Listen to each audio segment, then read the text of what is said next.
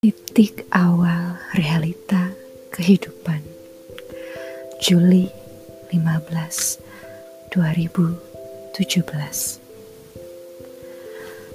Kehidupan setiap manusia punya ceritanya masing-masing.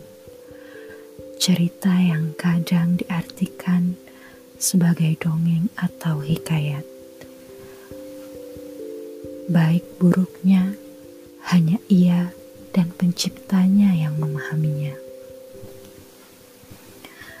Semua persepsi akan sebuah kisah mengandung arti yang tidak sama. Hidup memiliki sensitivitas rasa sendiri bagi pemiliknya. Hidup ada yang peduli, ada yang hanya ingin tahu apa rasanya kemudian acuh setelah tahu. Acuh akan hidup yang telah didongengkan atau dihikayatkan pada seseorang.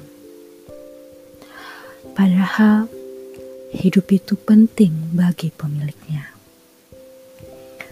Namun, hanya penciptanya yang mengerti kelanjutan cerita hidupnya.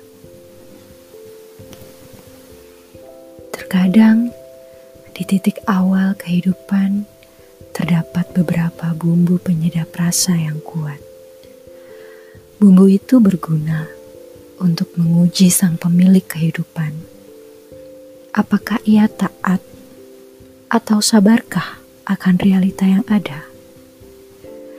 Realita yang awalnya diekspektasikan lebih, tapi pada akhirnya Jangan ada kata ekspektasi untuk melukiskannya. Hanya ada kata pasrah dan ikhlas akan jalan takdir yang sudah dilukiskan untuknya.